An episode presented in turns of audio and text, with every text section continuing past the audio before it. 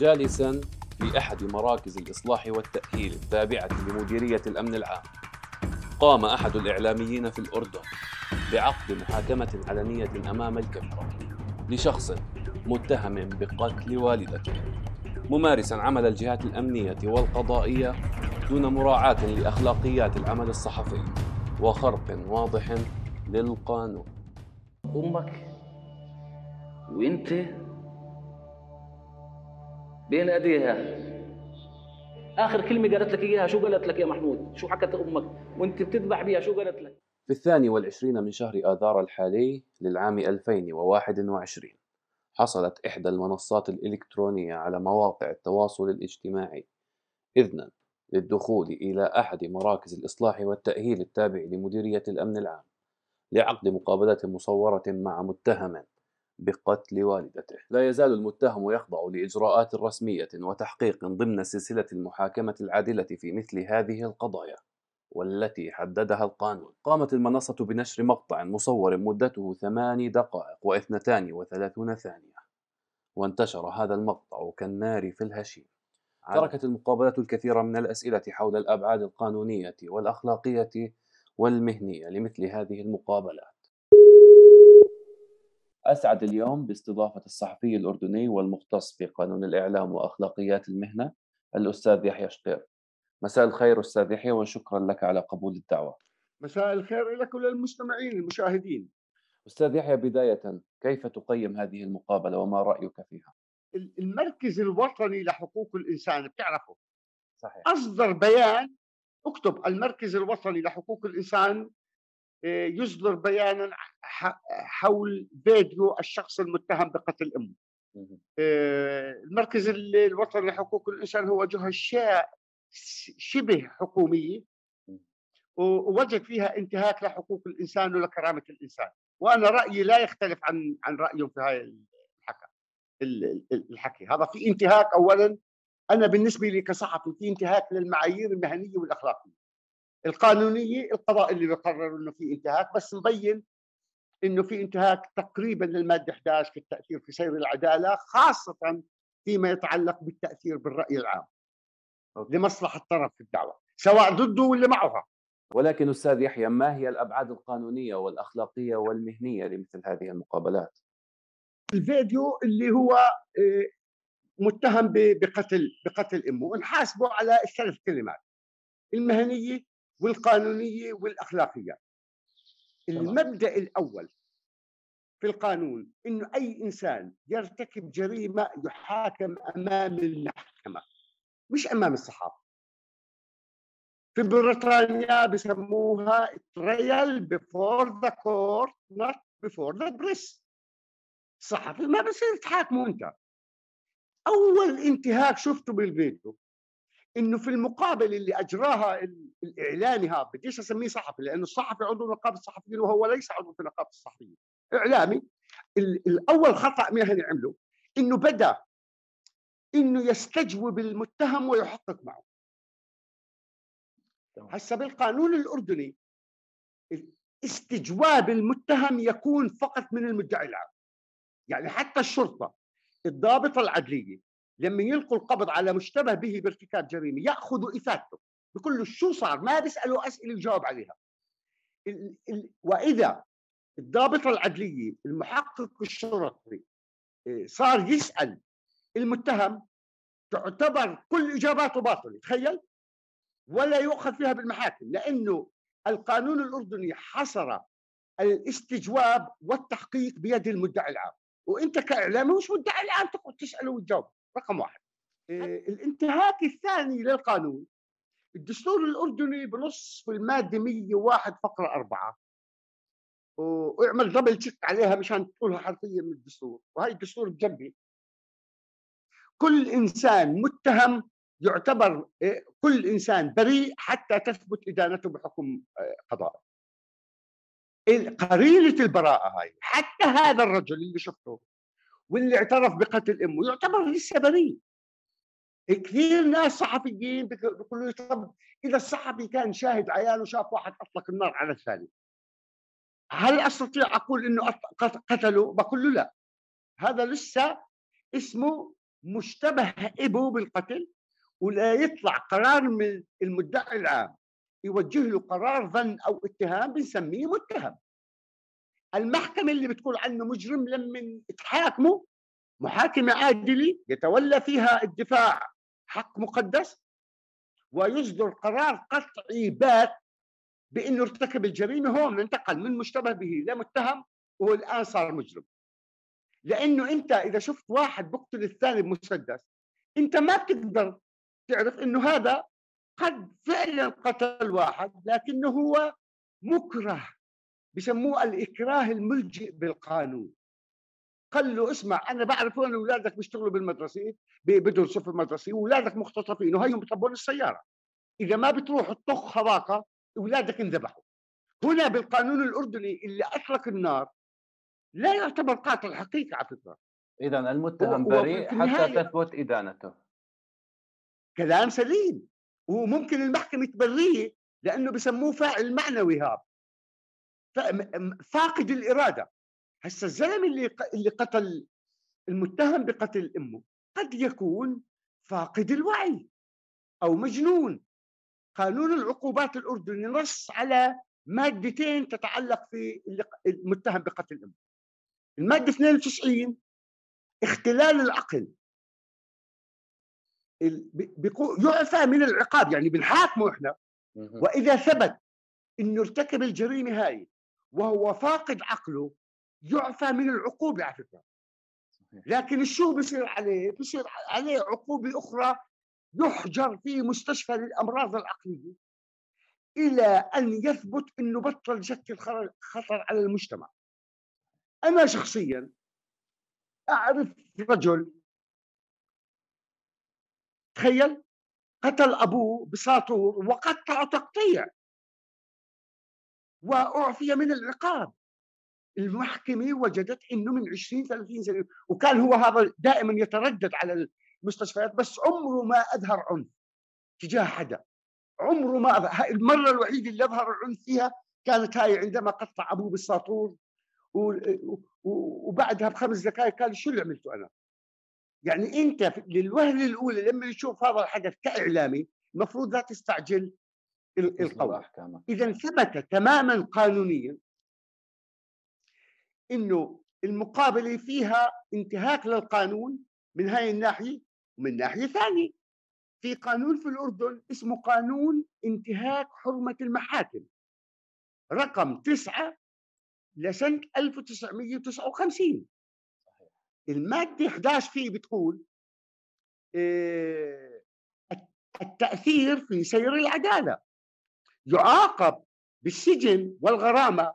كل من قام بفعل يؤثر في الرأي العام أو في رأي قاضي لمصلحة طرف الدعوة. هذا الرجل المتهم أولا لسه ما عرض على المحاكمة لسه في مرحلة التحقيق. وفي مرحلة التحقيق أصلا لا يجوز أي نشر شيء عن مرحلة التحقيق. إلا إذا المدعي العام أجاز لك. حتى الشرطة نفسها المركز اللي الإصلاح مديره أو مش مديره إذا أجاز لك النشر هو تعدى حدوده بصراحة. تعدى حدوده. المدعي العام الذي يجوز النشر. اذا السماح والاصل التحقيق كل دول العالم السري. عظيم. اذا السماح بالدخول إلى آه، مركز إصلاح وتأهيل في مديرية الأمن العام هو تعدي على القانون هو قانون. إلا إذا المدعي العام سمح. أنا لحد الآن أنا ما بعرف مين اللي سمح له يعمل المقابلة. هل المدعي العام سمح له أو أنا أشك؟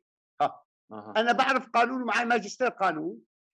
ما بعتقد في مدعي عام في الأردن بيسمح بإجراء مقابلة مع إنسان لسه ما صدر عليه قرار اتهام. لأنه هذا الحكي يخل بالتأثير في سير العدالة وتحريض الرأي العام وقد يحضر الشعب والقضاة اللي بيتمحكوا في القضية لفرض عقوبة قاسية عليه. ما بصير لا أي طرف أو ما بيطلع لنا إن نحكي فلان بريء ولا فلان فلان لا لا هذا يكون طول حياته أخلاقه كويس ولا يمكن يعمل. ما بيطلع لنا المحكمه اللي بتقول آه هذا الحكي. إذا دكتور آه ننتقل بس أخي إبراهيم آخر عبارة عن مواثيق الشرف المهني. ميثاق شرف.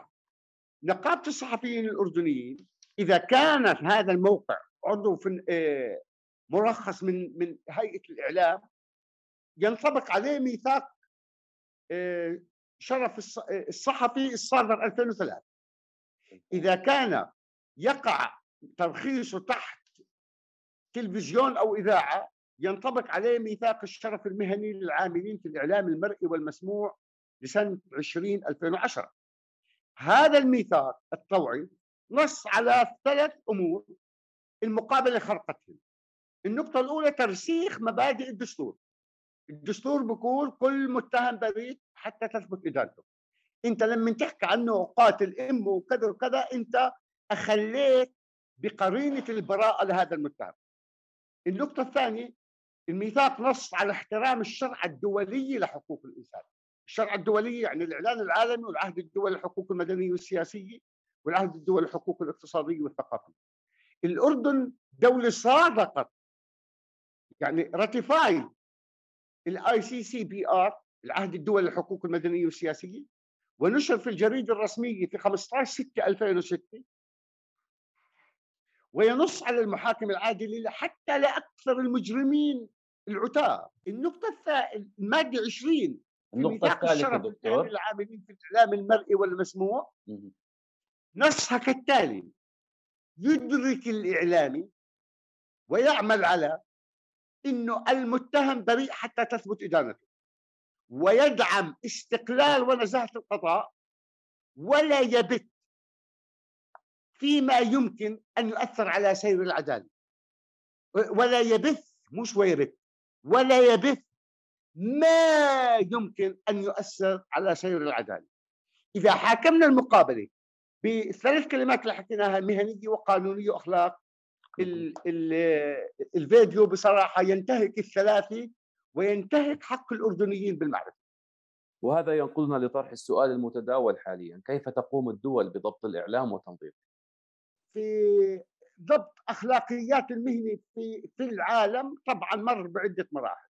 المرحلة الأولى state regulation كانت الدولة نفسها هي تتولى التنظيم وفي بقايا بقايا في بعض القوانين العربية في سوريا وفي الأردن وفي مصر. إيه، مثلا الماده 6 الماده 8 في قانون المطبوعات الأردني قانون المطبوعات الدولة عملته مش نقابه الصحفيين هذا بنسميه state regulation. إيه، صارت مرحلة ثانية اللي joint regulation يعني تنظيم مشترك. النقابة تتولى جزء والدولة تتولى جزء. هسه نقابة الصحفيين الأردنيين 2003 عملت ميثاق شرف للعام لأعضاء نقابة الصحفيين. ميثاق الشرف الصحفي هذا يطبق على أعضاء نقابة الصحفيين فقط وأنا كنت رئيس لعدة دورات. جميل جدا. أي واحد غير عضو نقابي ما بنقدر نحاسبه ما بنقدر نحاسبه. طبعا المرحلة الثالثة في التنظيم الأخلاقي مثل السويد وسريلانكا وألمانيا كليا الصحفيين بنظموا امور كليا دولة لا تتدخل لا تتدخل. الصحفي في الهند اللي بخرق أخلاقيات المهنه عندهم شيء press council مجلس الصحافة. إذا أصدر قرار وقال عن إبراهيم أو يحيى خرقوا أخلاقيات المهنه من الصعب تلاقي وسيلة إعلامية توظف الصحفيين في الهند بخافوا من ال press council أكثر بخافوا من المحاكم. في مثل هذه المقابلات أستاذ يحيى إذا لم يكن الإعلامي الذي عقد اللقاء مع المتهم عضوا في نقابة الصحفيين وإذا لم تكن المنصة الإلكترونية مسجلة مع هيئة الإعلام من هو القادر على محاسبتهم؟ وهل يمكن لي كمشاهد أردني أن أقوم برفع شكوى ضد هذه المنصة؟ خليني أختصر لك. إذا مسجل الموقع في نقابه الصحفيين أي شخص يستطيع أن يقدم شكوى لنقيب الصحفيين ونقيب الصحفيين يحيلها على المجلس التاديب أي شخص في الأردن.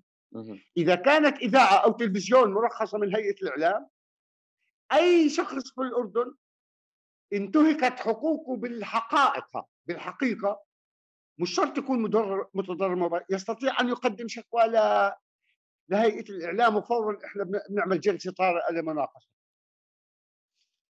إذا كان مش مسجل مثل اللي بيشتغلوا على اليوتيوب وعلى فيسبوك وكذا أي إنسان متضرر مباشر يستطيع أن يقدم شكوى إلى المدعي عام محكمة الصلح القريبه منه والمحكمة بيأشروا له بيودوها على الجرائم الإلكترونية إذا فيها انتهاك. مثلا أبنائه إخوته كذا. إنه أنتم شهرتوا بالعائلة. أوكي هو متهم لحد الآن. بس أنتم حطيتوا اسمه كامل وصورته كاملة والعيلة انفضحت وكذا. يستطيع أي متضرر أن يلجأ إلى القضاء. متضرر مباشر فقط أما كجمهور ليس هناك آه المتضرر المباشر نعم كلام كجم... سليم. كجمهور ليس هناك طريقة لرفع شكوى ضد لا كجمهور روح يقول هذا الفيديو آه، كذا لا ما في. أم أما إذا مواطن شعر إنه في خرق للقانون بنسميها مش شكوى بنسميها بلاغ. يستطيع يقدم بلاغ للنيابة العامة في الموضوع. جميل. آه الأصل في القانون الأردني قانون أصول المحاكمات اللي بحرك الدعوة المدعي العام النيابة. النيابة من تلقاء نفسها. إذا شافت جريمة اوتوماتيكيا بتفتح فيها ملف مثل جريمة السلط يعني ما بدهاش إخبار.